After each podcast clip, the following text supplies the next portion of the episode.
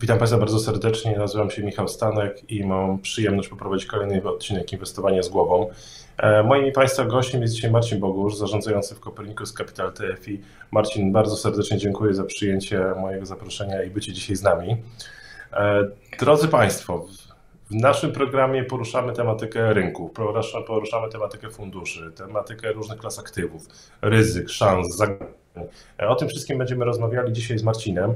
Natomiast e, zanim przejdziemy do, do, do, do omówienia tego, co się dzieje na, na rynku, to Marcin, chciałbym, żebyśmy rozpoczęli od rzeczy, którą ostatnio przygotowałeś. Mianowicie nie jesteś, broń Boże, epidemiologiem ani lekarzem, natomiast matematycznie e, zrobiłeś model przebiegu pandemii na podstawie danych, które spływają z rynku amerykańskiego, włoskiego i polskiego.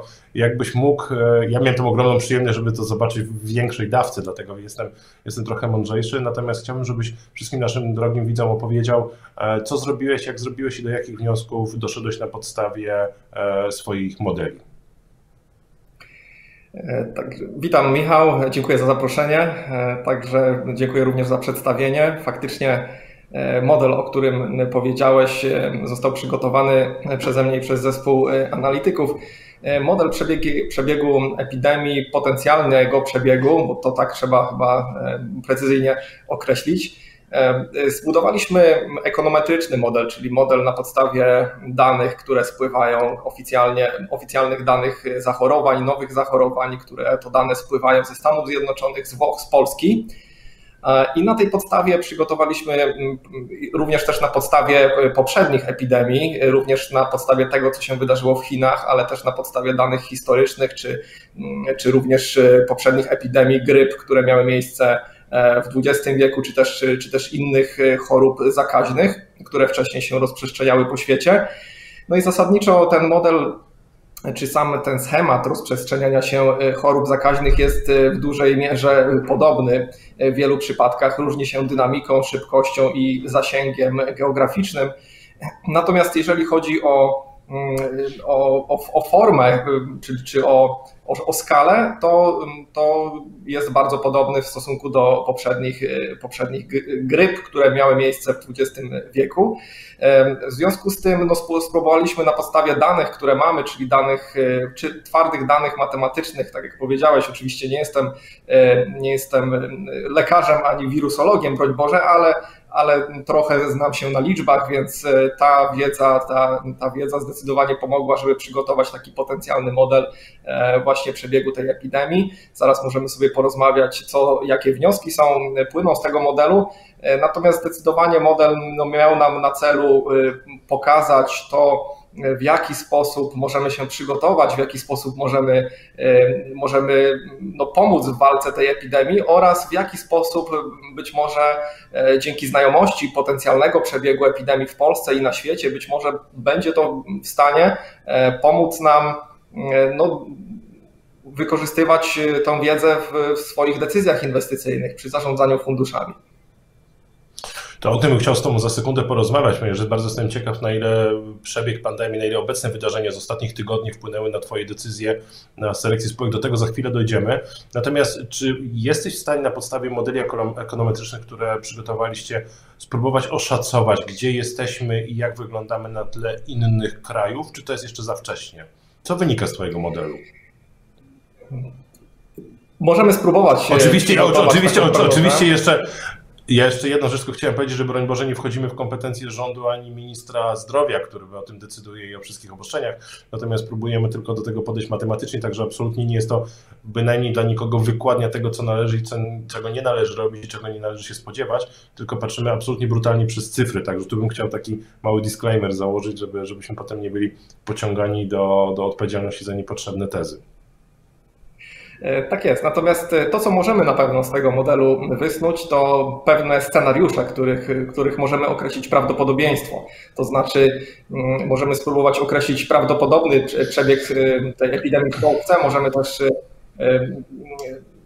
spróbować oszacować maksymalny poziom, taki najbardziej, najbardziej optymistyczny i pesymistyczny i w związku z tym znając te scenariusze, no możemy lepiej podejmować decyzje inwestycyjne, albo, ale też no, ta wiedza nam się na pewno przyda do takiego zwykłego życia, no, ponieważ no, brak wiedzy, brak wiedzy jak to się wszystko potoczy dalej, no jest takim, no powoduje taką często panikę wśród społeczeństwa, u wielu osób, no takie też załamanie, nie wiadomo jak długo to się wszystko będzie toczyło, ta cała epidemia, dlatego odpowiadając Michał na Twoje pytanie, w naszym, w naszym modelu takim bazowym scenariuszem to jest około 10 tysięcy chorych w Polsce łącznie zakażonych, czyli takich, którzy choć raz zachorowali i w tym, w, ty, w tym modelu no te 10 tysięcy powinniśmy osiągnąć wraz w drugiej połowie kwietnia tak naprawdę, więc wydaje mi się, że powinniśmy być już gdzieś tam w połowie po, za punktem przegięcia, czyli gdzieś tam w szczycie tych zachorowań w Polsce.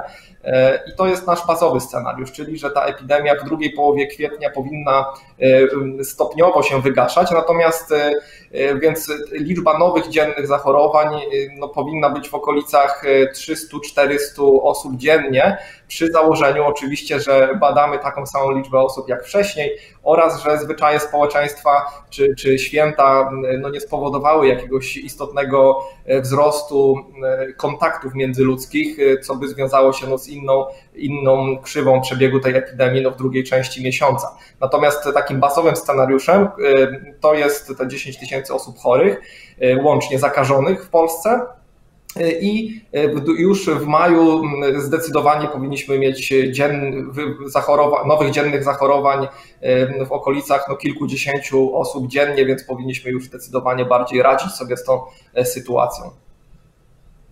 Czy to też spowoduje odciążenie służby zdrowia, która niewątpliwie jest przeciążona.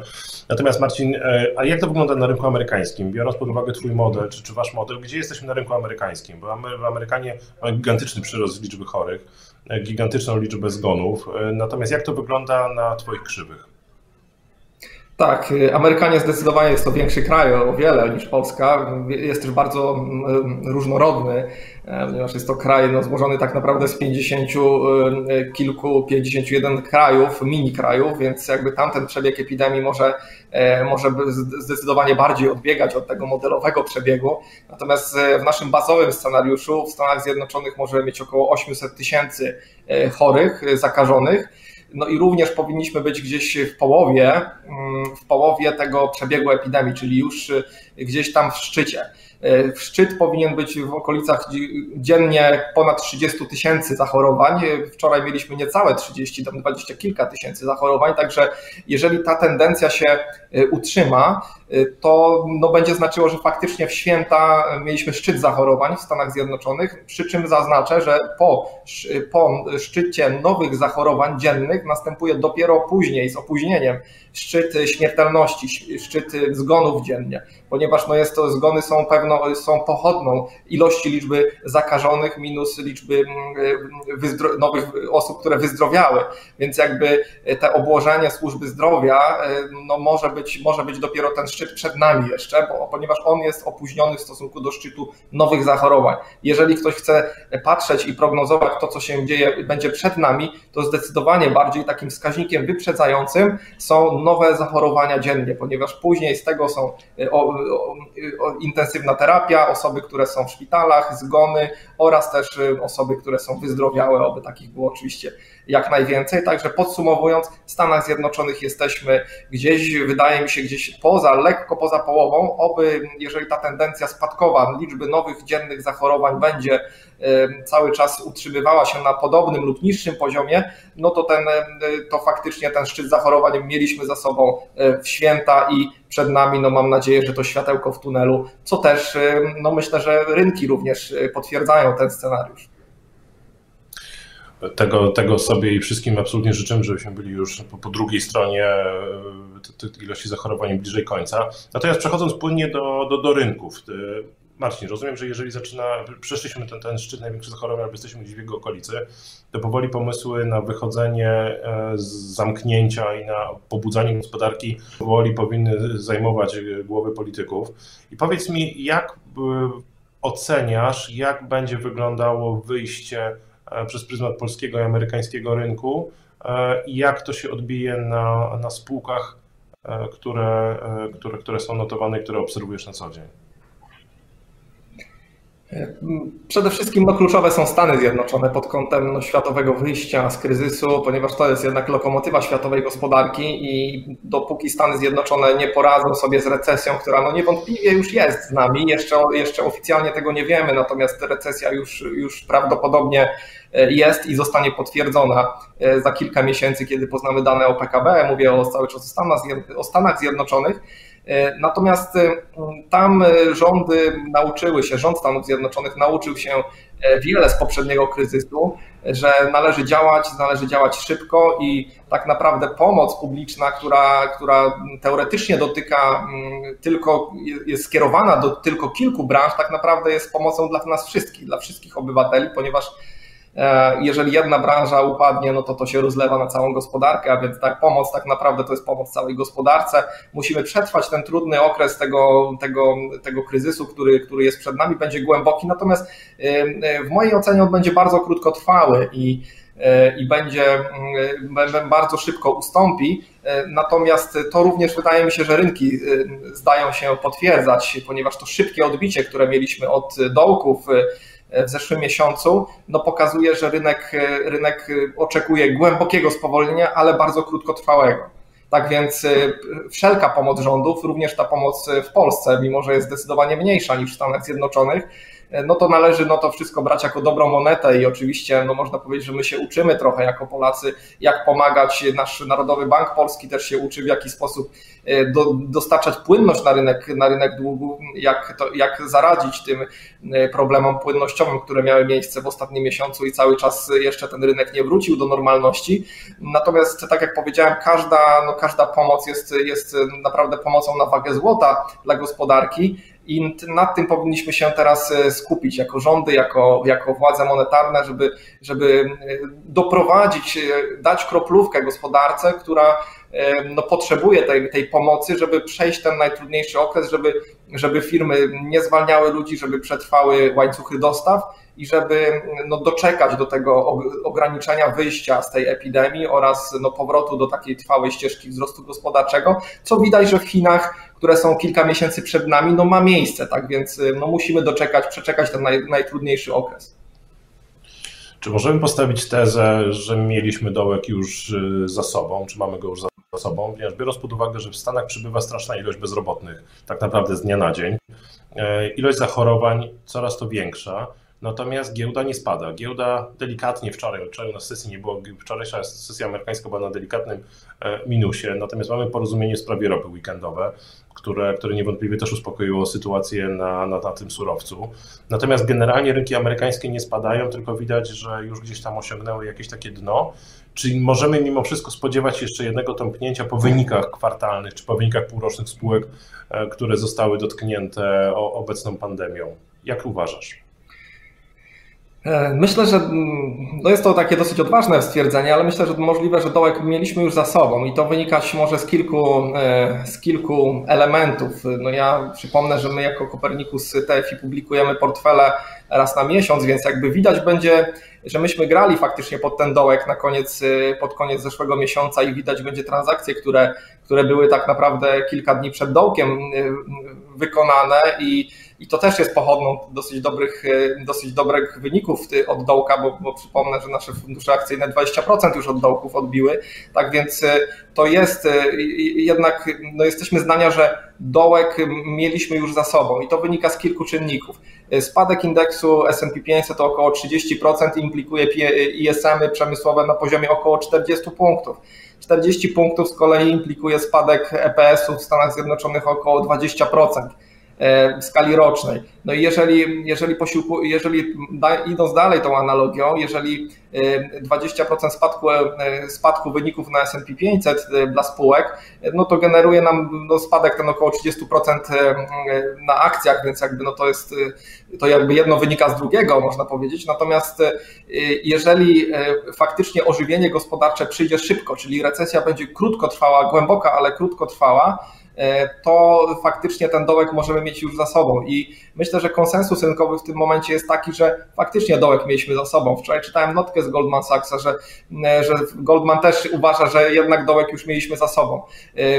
Dalej, jeżeli odpowiadając na Twoje pytanie dotyczące wyników, czy, czy może być tąpnięcie, myślę, że nie, to już będzie musztarda po obiedzie trochę. Tak naprawdę wiadomo, że wyniki będą dramatyczne i będą słabe, tak samo jak jak jeszcze najbliższe dane o zasiłkach dla bezrobotnych, czyli te tak zwane claimsy, które są w czwartek co tydzień publikowane, to wszystko tak naprawdę wiemy. Kluczem jest to, jak tak naprawdę to, czego nie wiemy, a przypomnę, że rynek y, około 4 miesiące wyprzedza faktyczną gospodarkę, czyli tak naprawdę to, że, że mamy już recesję, to, to, to, to, pod to były te spadki, które miały miejsce miesiąc, półtora miesiąca temu. Teraz te wzrosty są pod to, że w wakacje no, rozpocznie się dynamiczne odbicie w aktywności gospodarczej, więc to, co teraz się dzieje na rynkach, będzie widoczne w gospodarce za kilka miesięcy. Więc y, myślę, że e, wyniki spółek będą absolutnie mało, mało istotne, bo tak naprawdę już 12% spółek wyciągnęło guidance, oby, e, czyli anulowało prognozy na ten rok, co jest oczywiście no, naturalne i w, w, jakby nikt się temu nie dziwi, więc myślę, że spadki, które, które jeżeli byłyby teraz spadki, to oznaczałoby, że być może będziemy mieli tak zwaną drugą, drugą falę wirusa, która może przyjść na jesień.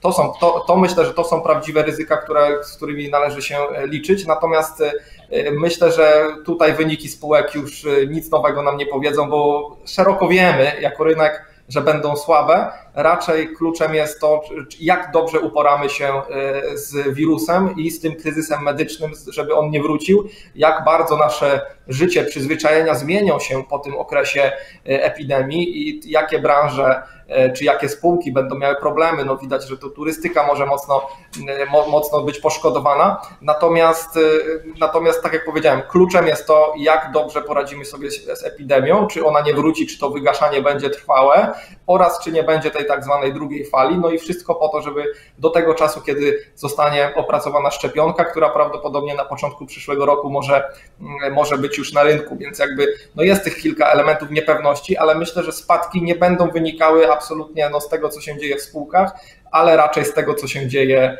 e, no, z, z wirusem, czyli z, z chorobą, która ma teraz e, miejsce i nas e, dotyka. Okej, okay, to powiedz mi Marcin taką rzecz. Czy Twoje postrzeganie zarządzania, czy podejście do zarządzania zmieniło się teraz w czasie tego, tego szalejącego koronawirusa? Czy jest to jeden z kolejnych kryzysów, które były, są i będą co jakiś czas, tylko nie wiemy kiedy się pojawią i jaki będzie ich powód. Czy coś się zmieniło w podejściu do spółek, które obserwujesz, czy być może e, coś, czy zupełnie się nic nie zmieniło i oglądasz spółki tak jak oglądałeś, wybierasz e, tak jak wybierałeś i portfel budujesz dokładnie tak samo od samego początku, e, jak, jak zarządzasz. Czy, czy coś się zmieniło? Michał, kompletnie nic się nie zmieniło, bo to, że, że jest wirus y, taki, czy jest, jest kryzys związany z wirusem, czy kryzys związany z czymś innym, to jakby to jest naturalne, że zarówno amerykańska gospodarka, jak i polska, ale ta amerykańska jest o wiele silniejsza, więc y, ona będzie miała y, podczas no, swojej drogi, tak naprawdę drogi wzrostowej, wiele takich no, przystanków, które będą wywołane czymś negatywnym. Więc czy to będzie wirus, czy to będzie E, czy to będzie jakaś wojna, wybuch wulkanu, trzęsienie ziemi, tego nie wiemy, ale wiemy na pewno to, że takie kryzysy będą i one się będą wydarzały z zadziwiającą częstotliwością. Oczywiście nie wiemy, że to, że to akurat jest kryzys teraz ten biologiczny, natomiast no, mógł być zupełnie jakiś inny, mogło być trzęsienie ziemi, mogło być no, cokolwiek innego, jakiś znowu atak terrorystyczny, no coś negatywnego, co niestety, niestety z wysoką częstotliwością się wydarzy, jak tak sobie spojrzymy wstecz na, na wiele lat hossy amerykańskiej gospodarki po II wojny światowej. No i mieliśmy już przecież jedną epidemię grypy wcześniej, mieliśmy kryzys nie jeden, mieliśmy mieliśmy kryzys kubański, mieliśmy wojnę w Zatoce Perskiej, kryzys, mieliśmy zabójstwo prezydenta w Stanach Zjednoczonych, mieliśmy World Trade Center, mieliśmy kryzys finansowy, także co chwilę coś nowego będzie, więc jakby ja nie traktuję jakby tego zdarzenia jako czegoś nadzwyczajnego, co, co powinno, co, co jakby zaskoczyło nas, no bo trudno powiedzieć, że jeżeli ktoś czuje się zaskoczony, że i profesjonalnie zajmuje się zarządzaniem, jest, jest zaskoczony, że, że, że pojawił się kryzys, no to, no to myślę, że tutaj powinien y, trochę historii więcej y, odczytać, ponieważ no, kryzysy zdarzają się i często, y, często są to okazje do kupna akcji, których nie dałoby się kupić w normalnie rozsądnych cenach, w, w momentach, kiedy wszyscy są zadowoleni i, i szczęśliwi na rynkach. Także no powiem, że większość tych spółek, natomiast no jest to okres do, do wybierania tych, tych tak zwanych winerów, spółek, które w tym momencie są przecenione o kilkadziesiąt procent, tylko dlatego, że będziemy mieli przez trzy, e, przez trzy miesiące recesję. Natomiast no wiele, lat, e, wiele lat mają przed sobą pozytywnego i dynamicznego wzrostu. Tak więc absolutnie podsumowując, nie traktuję tego jako czegoś innego, a więc a, a nawet no, próbuję znaleźć w tym szansę, upatrując szansę, żeby, żeby dobudować portfel, no to czego nie dało się zrobić, bo przypomnę, wyceny były wysokie pod koniec zeszłego roku, więc teraz mamy wyceny niskie, należy z tego korzystać, dobierając no, spółki, z którymi dobrze się czujemy w portfelach i które, no, które będą zarabiały dla nas na lata do przodu. Ja mam takie wrażenie, że, że przerabiałem kilka kryzysów historycznie i każdy kryzys zawsze był zaskoczeniem i, i zawsze był czymś nagle nowym i wszyscy uważali, że to już jest koniec świata i, i, już nic nowego nie będzie. A jednak z tych kryzysów wychodziliśmy i one były zawsze okazją do zakupów, aczkolwiek historycznie mam wrażenie, że bardziej były powodem do paniki niż okazją do zakupów i większość inwestorów mimo wszystko zamykała swoje pozycje, uciekała w gotówkę, którą nie wiem, czy zakupywali w słoikach w ogrodzie, ale, ale na pewno nie wracała nawet na, na depozyty, bo był taki moment, kiedy nikt, nikt nawet bankom nie ufał. Natomiast mam teraz wrażenie, że w, w czasie tego, tej, tej obecnej pandemii e, jakiś taki mamy większy spokój na rynkach. E, inwestorzy, z którymi mamy na co dzień do czynienia, nie panikują. Części pytają, może to już jest czas na zakupy. Części pytają o przebudowę portfela mimo wszystko w kierunku aktywów e, bardziej agresywnych. I ja to postrzegam jako dobrze odrobioną lekcję z poprzednich kryzysów, że mimo wszystko nauczyliśmy się wyciągać wnioski i nie panikujemy na dołkach, tylko zaczynamy kupować. I, i, i ani ty, ani ja nie jesteśmy timingowcami, nie szukamy tej okazji, żeby to na jeden dzień zarobić, tylko żeby faktycznie przebudować portfele.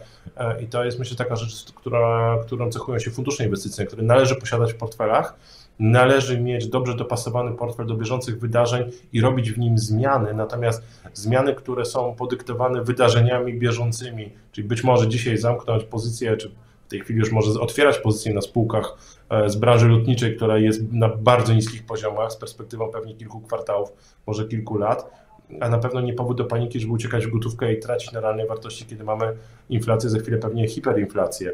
E, Marcin, gdzie dzisiaj szukać okazji? Powiedz mi, jeżeli miałbyś popatrzeć na rynek amerykański, jako ten taki główny, na, na który zwracasz uwagę, gdzie szukać okazji e, inwestycyjnych i, i faktycznie takiego systematycznego, mądrego budowania portfela? W trzech słowach. W szczególności w spółkach, które e, straciły, straciły wiele na wartości, ale mają bardzo dobre bilanse, mają masę gotówki, produkują gotówki, są spółkami usługowymi. E, również e, być może są spółkami, które są mimo wszystko w branży związanej z podróżowaniem, z turystyką, bo też wiele takich spółek, które produkują gotówkę, nie mają długu, nie mają długu netto jest i one zostały przecenione że aż okazje no, no proszą się tak naprawdę podnieść, nie? E, natomiast e, Natomiast no oczywiście nie będę zabierał Państwu e, tej przyjemności, żeby samodzielnie je znaleźć poprzez, poprzez szukanie spółek, które właśnie takie te parametry spełniają. Natomiast spółki usługowe, powiem tak, powiem krótko, spółki związane z segmentem szeroko pojętym segmentem IT, programowania, tam gdzie ten cash jest, gdzie praca zdalna nie jest czymś nowym, tam gdzie tam, gdzie za, za, za, za dwa czy trzy lata no, nikt nie będzie pamiętał o tym, że będzie kryzys. Tak więc raczej no, uważałbym ze spółkami, które są związane z taką realną gospodarką, z dużym capexem, czyli spółki takie typowo produkcyjne,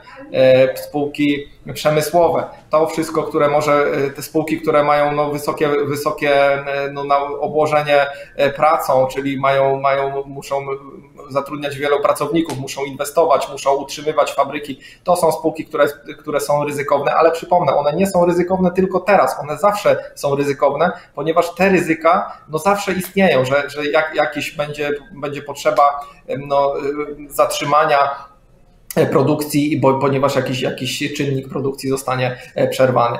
Tak więc e, no, zachęcam do, do szukania, jest wielu tych okazji, także z pewnością e, wielu z Państwa domyśli się, o których spółkach mówię, a jak, więc, więc zachęcam do, do tego samodzielnego poszukiwania tych okazji, a jeśli nie, no to oczywiście zostają fundusze inwestycyjne, które to rozrobią za Państwa. Ja oczywiście jestem tego zdania, że należy poszukiwać y, dobrze zdywersyfikowanych portfeli w funduszach inwestycyjnych i powierzyć swoje środki profesjonalnym zarządzającym, takim jak, jakim ty jesteś, e, żeby, żeby nasze pieniądze pracowały e, cały czas, a my mielibyśmy czas na to, żeby zająć się swoimi rzeczami i, i swoją pracą na co dzień. E, oczywiście dla tych z Państwa, którzy chcą sami szukać akcji, są narzędzia, są rachunki maklerskie dostępne tak naprawdę w każdym banku i każdy dom maklerski daje możliwość inwestowania na globalnych rynkach i do tego oczywiście zachęcam.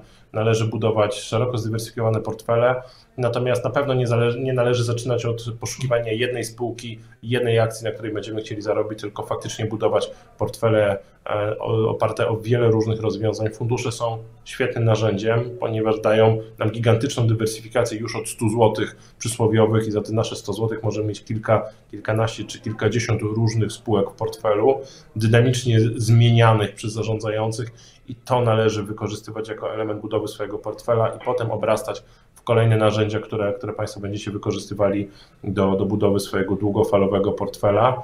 Nie ulegajmy emocjom, e, kupujmy, gdy, gdy leje się krew, a jak jest super euforia, to zastanawiajmy się, czy to nie jest czas, żeby powoli przebudowywać swoje portfele.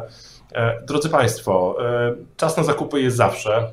Ja się strasznie cieszę, Marcin, że byłeś z nami i, i opowiedziałeś o, o, o koronawirusie, o pandemii, o wpływie na rynki i mam nadzieję, że część z Państwa zachęci do spotkania z Waszymi doradcami finansowymi, e, żeby porozmawiać o, o, budowie swoich portfeli i być może o ich przebudowie. Drodzy Państwo, moim Państwa gościem był Marcin Bogusz, zarządzający w Copernicus Capital TFI. Marcin, bardzo serdecznie dziękuję. Na pewno będziemy się widzieli jeszcze dziękuję raz w naszym programie i, i pewnie wrócimy e, do, do wydarzeń spowodowanych koronawirusem i zobaczymy, gdzie będziemy na świecie, gdzie będziemy w pandemii, gdzie będziemy w gospodarce globalnej, jak to wpłynie na nasze portfele i to niewątpliwie będziemy, będziemy poruszali. Drodzy Państwo, owocnych decyzji inwestycyjnych, dużo zdrowia e, w obecnym, w obecnym czasie i do usłyszenia i do zobaczenia w kolejnym programie. Bardzo serdecznie dziękuję.